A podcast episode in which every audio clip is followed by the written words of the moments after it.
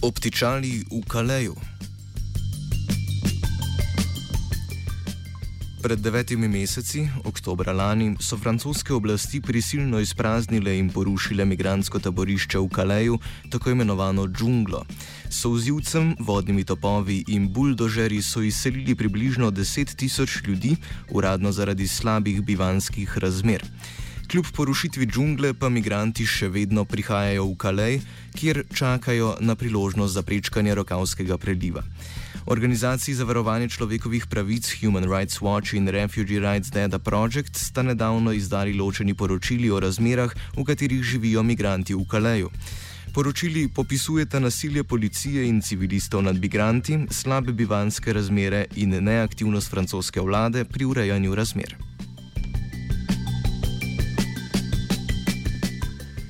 Alice Lucas z organizacije Refugee Rights Data Project predstavi trenutne bivalne razmere migrantov v Kaleju, odkot so, kam so želeli oditi in s kakšnimi težavami se soočajo. So our research took place in April 2017. So as far as we understand, there are about four to 500 people in the area. Um, many of them are very young. So we kind of, we've looked at there, we think there are about 200 um, unaccompanied minors and then many young adults.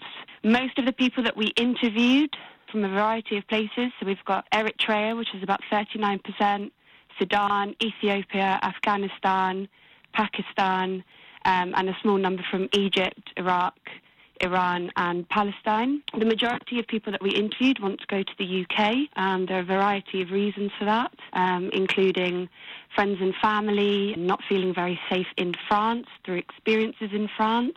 And also language as well. So, if they're speaking English, many people want to come to the UK for that reason. Living arrangements. At the moment, people are sleeping rough in small forests in and around Calais. And we've had reports of sleeping bags and documents also being confiscated. There are a few makeshift camps in and around the area, but again, these are subject to, to being changed um, on a daily basis, and they, they might be the kind of the French police might come and interrupt that camp. In terms of information and legal advice, um, this is something that we found has been lacking um, across the areas that we've researched, and especially in Calais. So, for example, the people that we interviewed, only 11.7% said they had access to information about their right and possibilities to change their situation, um, and a similar number said that they, a small number said that they were able to access information about immigration laws. So people are really without information about how to change the situation um, and we've also found that many of them are experiencing health problems as a result of tear gas and mental health issues. So people are living really, really difficult conditions with no kind of stable shelter um, or stable access to uh, food and, and water and things like that.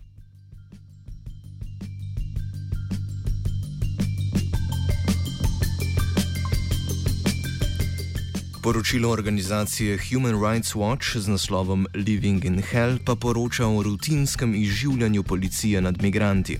Judith Sunderland iz Human Rights Watch povzame glavne izsledke raziskave.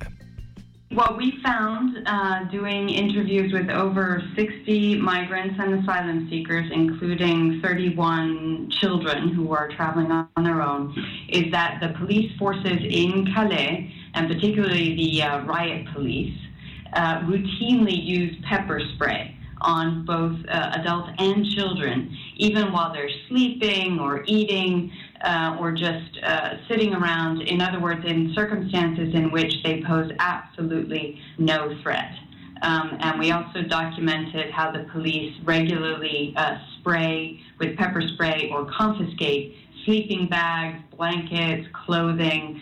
Um, and they have even used pepper spray on food and water uh, that, that migrants are, um, are, are, using or, or, planning on using. And all of this uh, seems to suggest a policy of harassment uh, to try to convince people to leave the area.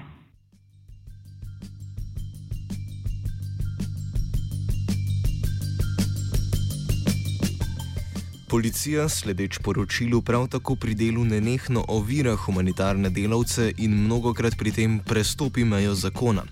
Judith Sunderland opiše, kako je policija preprečevala in upočasnjevala delo humanitarnih organizacij. First of all, we've heard about um, repeated and, and unnecessary identity checks performed by the police. So, this is when the police uh, in France, they have the right to do this to stop people randomly and ask them to produce an identification. Uh, um, but we have documented in the past abuses committed in the context of these identity checks by the police. And here again, what we found is that police were using identity checks as a way to basically disrupt the work of aid workers as they were trying to distribute distribute food. And, sometimes we, we, you know, we heard about situations in which the same police would stop the same people over and over again, even calling them by name. So, in other words, there's no point uh, to the check if their identities were already well known to the police. We also heard about instances in which the police literally physically, forcibly disrupted distribution, so knocking food out of aid workers' hands um, and telling them that they could no longer distribute in the area. Uh, and when aid workers have tried to photograph or film the police uh, uh, intervening and interfering in these ways, uh, police have, have sometimes seized their phones, uh, confiscated them, uh, and, and have deleted the contents um, before handing the phones back. And all of that is, is unlawful.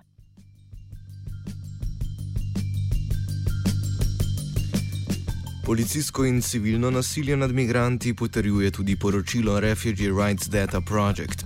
Alice Lucas predstavi vrste nasilja nad migranti.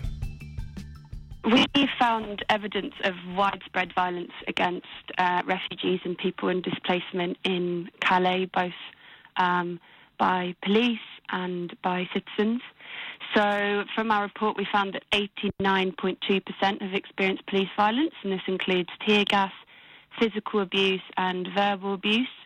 Um, we found that many are being um, detained, um, as well as police violence. Uh, there's been citizen violence with about 58.7% of people we interviewed telling us that they have been subject to physical and um, verbal abuse. Many people have reported being subject to racist abuse as well.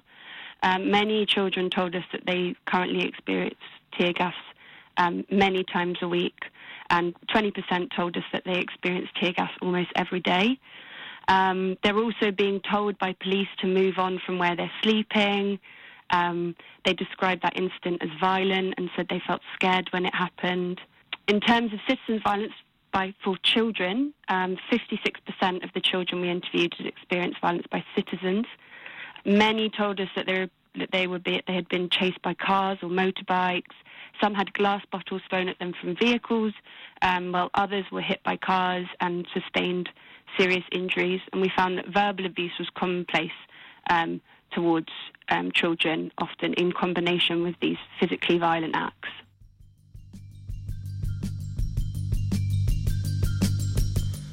Odziv lokalne skupnosti na povečano število migrantov, ki se v zadnjih mesecih vračajo v Kali, je torej vse prej kot pozitiven. Kam je mnogo migrantov po uničenju taborišča oktobra lani odšlo in zakaj se vračajo, pojasni Alice Lucas. Many people um, were placed into um, called CAOs or accommodation centres. So after the demolition of the camp, lots of people were sent to these um, accommodation centres. Um, what we found that they weren't given uh, much information once they were there.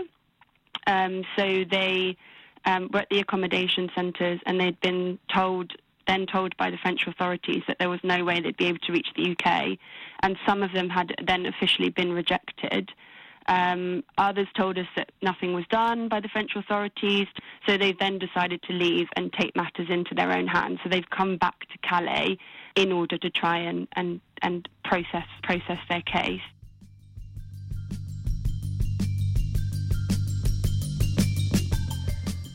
Lokalna skupnost migrantov, ne, migrantom ne omogoča dostopa do vode, hrane, sanitarij. Zato je junija sodišče odredilo, da morajo migrantom omogočiti dostop do pitne vode, tušev, stranišč in jim omogočiti pranje oblačil. Na to odločitev se je pritožila francoska vlada, odločitev sodišča o pritožbi pa bo znana jutri. Ta odločitev bo vsebovala tudi nova pravila, kako policija ne sme ravnati z migranti. Humanitarne organizacije zato pričakujejo, da bi ta sodni primer lahko vzpostavil nove standarde za ravnanje policije z migranti in natančno vzpostavil omejitve uporabe sile. Odzive lokalne in narodne vlade povzame Judith Sunderland. Well, local authorities, including the prefecture, um, so which is in charge of the police, um, uh, have vehemently denied uh, our uh, our findings. Um, so they maintain that the police do not use pepper spray at, at any time, and they do not uh, uh, disrupt distribution of aid, except um, uh, you know when, when absolutely necessary, when the aid workers are somehow uh, violating uh, local laws. Um, local authorities are also opposed to establishing any kind of shelter or asylum office in Calais um, because they argue that that would encourage more people to travel to the area. And as I said, that is what they want to avoid.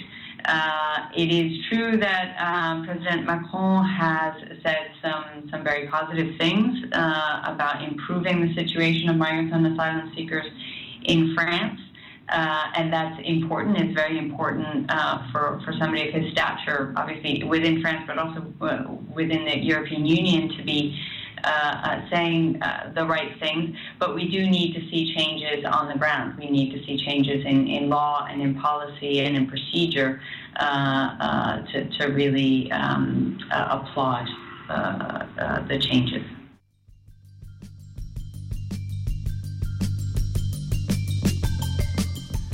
Svoja pričakovanja in predloge, kaj bi nova francoska vlada morala storiti v luči teh razkritij, predstavi Judith Sunderland.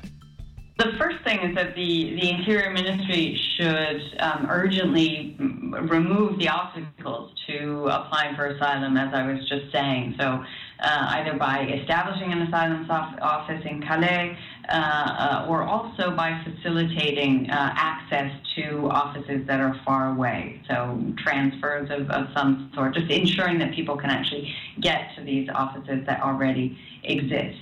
Uh, and the Interior Ministry should also uh, make sure that all those who apply for asylum uh, are, are, then provided with accommodation, right, as they are entitled to under French law and EU law. And uh, the authorities should also arrange emerg- emergency accommodation for undocumented migrants who are living uh, rough in, in Calais right now. Um, there are also, as I said, uh, uh a lot of unaccompanied children in the area, so children who have made these journeys all by themselves without family members, and they are, of course, particularly vulnerable, and they have uh, the right to special protection, which they are not receiving right now. So the authorities need to do a whole lot more to make sure to identify unaccompanied uh, children and uh, make sure that they are placed in appropriate shelters with sufficient you know, room and capacity and um, uh, trained and adequate staff.